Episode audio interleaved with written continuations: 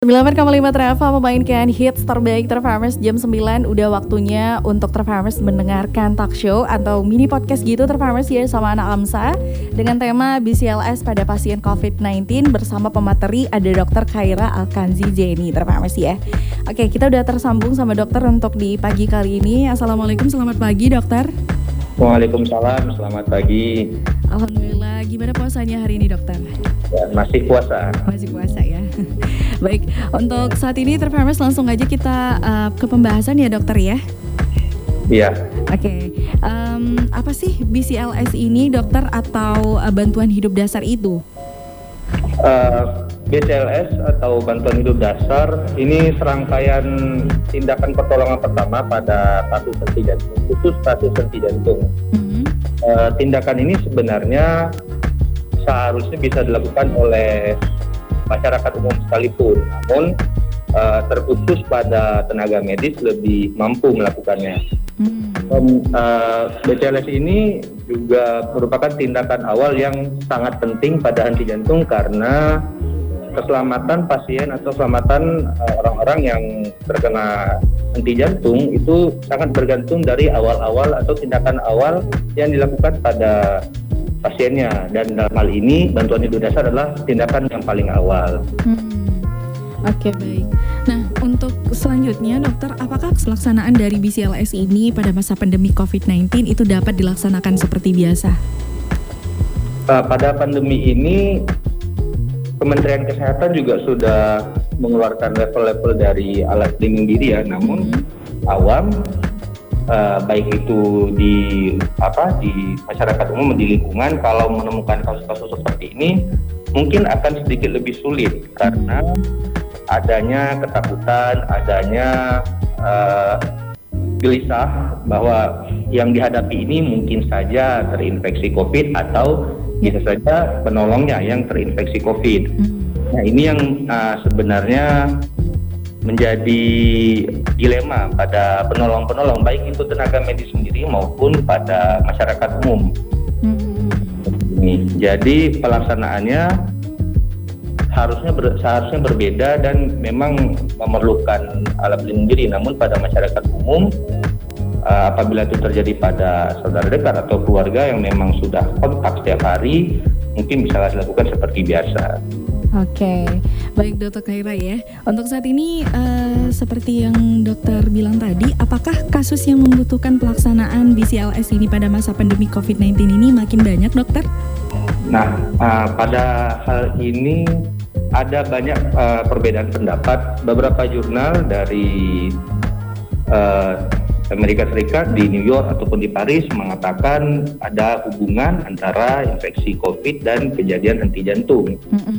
Karena selama perjalanan penyakitnya COVID-19 ini menimbulkan efek yang sangat besar terhadap imunitas sehingga bisa saja mengakibatkan henti jantung. Namun pada hal lain, uh, jurnal juga memberikan gambaran uh, kejadian henti jantung di lingkungan masyarakat. Mm-hmm belum dibawa ke rumah sakit itu juga tidak berpengaruh terhadap COVID-19. Yang berpengaruh adalah COVID-19 ini mungkin saja bisa mengakibatkan henti jantung. Namun ke kejadian henti jantung apabila pasiennya mengalami infeksi COVID-19 maka perburukannya cepat. Jadi ada banyak perbedaan pendapat uh, apakah kejadian henti jantung selama pandemi ini naik atau turun. Karena selain dari yang tadi saya katakan uh, adanya kegelisahan atau ketakutan untuk dari orang-orang sekitar untuk langsung membantu karena curiga atau ketakutan infeksi atau efek langsungnya dari COVID-19 ke kejadian di jantungnya. Oke, baik dokter. Untuk selanjutnya mungkin dokter untuk hal apa yang harus diperhatikan dalam pelaksanaan dari BCLC ini di masa pandemi COVID-19 ini dokter? Ah, baik. Ah, ini sebenarnya hal yang menarik ya. Mm-hmm. Nah, uh, prinsipnya tidak pun dalam keadaan pandemi, dalam pemberian bantuan hidup dasar itu apabila kita langsung melihat orangnya terjatuh, khasnya ini pada henti jantung itu bisa memegang darah dada sebelah kiri di mana secara anatomi itu adalah posisi jantung. Hmm. Kalau kita langsung melihat uh, orangnya, nggak kejadian ya pasiennya pingsan atau pasiennya terjatuh dalam keadaan seperti itu, hmm. kecurigaan besarnya adalah di jantung dan kita bisa seharusnya bisa langsung melakukan pertolongan. Berbeda keadaannya kalau kita tidak melihat keadaan pasiennya secara langsung. Artinya mungkin ada orang lain yang menyampaikan meminta tolong, hmm. dilakukan bantuan hidup dasar atau meminta pertolongan. Nah ini berbeda cara pandangnya. Namun secara keseluruhan yang terjadi kasus di jantung ini lebih banyak daripada kasus-kasus yang menyebabkan uh, pingsan lainnya. Jadi sebelum setiap kita mengevaluasi uh, orang atau pasien-pasien yang terjatuh tidak sadarkan diri, hmm. harus juga awalnya adalah henti jantungnya. Uh, hal lain harus diperhatikan uh, kalau selama pandemi ini yang lebih penting adalah uh, lebih baik menjaga diri dulu Hmm. Bagaimana caranya? Kalau memang kita punya alat pelindung diri maka pakai baik itu hmm. Eh, sarung tangan atau terutama masker ya masker tetap harus pakai kalau apa protokol kesehatan tetap harus jalan bagaimanapun. Hmm. Yang kedua adalah sarung tangan baik itu kalau masyarakat umum tidak masalah pakai sarung tangan biasa hmm. tidak perlu harus punya sarung tangan karet namun untuk mengevaluasi pasiennya itu yang harus segera itu saja sih yang harus diperhatikan selama pandemi ini pada ya. pasien jantung. Oke, terima kasih Dokter Khaira Alkanzi Jaini. Uh, ya. Mungkin ya, Alia mau nanya juga nih kalau tiba-tiba uh, di jalan kita menemukan orang yang terbaring tidak sadar, apakah kita harus langsung melaksanakan BCLS ini dengan menimbang bahwa resiko tertular besar ya pada saat pandemi COVID-19 ini, Dokter? Ya, uh, pada kasus-kasus atau kejadian-kejadian di lingkungan masyarakat atau di area yang luas, mm-hmm. ini pertama kali sebenarnya dilakukan uh, mengamankan diri dan mengamankan pasien. Mm-hmm. Mana pasien itu terjatuh, lalu bagaimana cara menangnya itu yang paling pertama tetap mengamankan. Mm-hmm. Baik diri dulu ya, kalau memang siap untuk menolong dalam keadaan ada kemungkinan risiko uh, penularan COVID, maka harus siap masker, harus siap juga sarung tangan. Hmm. Nah, untuk yang kedua juga pengamanan pasiennya. Bagaimana kita menanganinya itu pertama biasanya nih yang paling sering kalau ada pingsan jatuh tuh suka dikerumunin. Hmm. Nah ini yang sebenarnya menjadi masalah. Semakin banyak kerumunan, semakin mudah penularan infeksi. Juga sebenarnya tidak tidak baik untuk pasiennya sendiri. Jadi yang paling penting setelah itu adalah mengamankan dulu pasiennya. Hmm. Artinya dibawa ke tempat yang lebih aman, lebih sepi ataupun kalau ada kerumunan harus dibubarkan dulu. Okay. Jadi uh, barulah setelah itu kita cek apa hmm. saja yang kita cek kita cek pertama kesadarannya dulu. Hmm.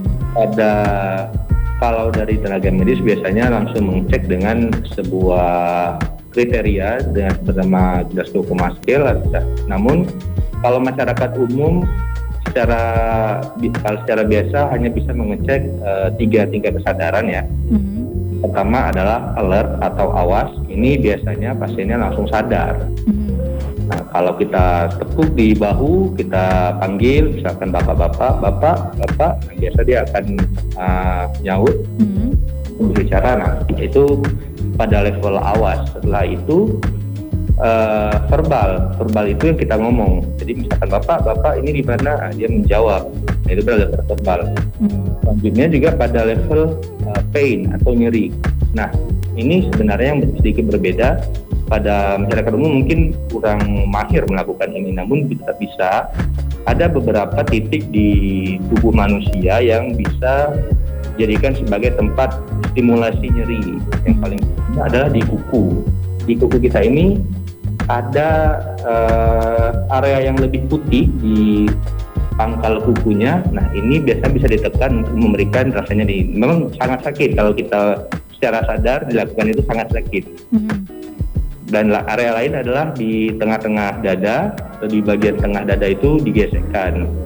Nah, biasanya di situ kalau diberikan rangsang nyeri, pasiennya sadar, nah itu pada level uh, pain atau nyeri. Dan yang terakhir adalah uh, unconscious atau tidak sadar. Nah, ini pada kasus-kasus henti jantung. Apa pun yang sudah kita lakukan, kita panggil, kita hmm. coba tepuk bahunya, kita coba berikan rasa nyeri, tidak ada respon atau responsif, maka uh, biasanya ini langsung curiga ke henti jantung. Nah setelah itu barulah dilakukan pengecekan uh, denyut nadi. Pada kasus henti jantung itu harus dilakukan di yang paling prominent atau yang paling representatif, yang paling bagus dilakukan adalah uh, di daerah leher.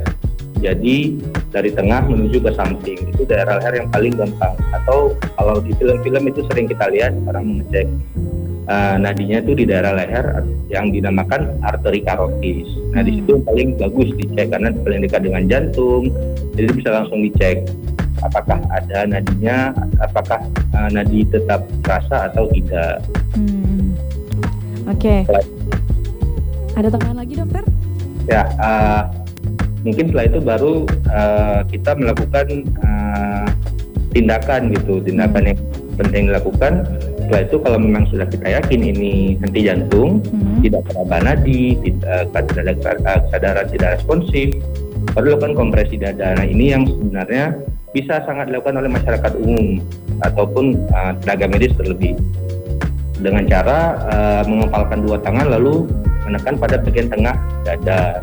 Nah, namun dalam hal ini banyak uh, teknik-teknik atau tindakan kompresi dada ini yang tidak efektif kalau tidak uh, sesuai dilakukan. Namun tetap pertolongan pertama lebih penting. Hmm. Baik. Iya, itu dia terfarmers ya yang bisa kita lakukan bila kita menemukan orang yang terbaring tidak sadar, apalagi di tempat umum ya dokter ya. Iya. Dan juga untuk pertanyaan terakhir yang uh, Alia penasaran banget ya sama dokter, mungkin bisa dijawab dokter, apa yang harus dilakukan uh, bila misalnya yang terbaring tidak sadar adalah anggota keluarga di rumah dokter? Oke baik.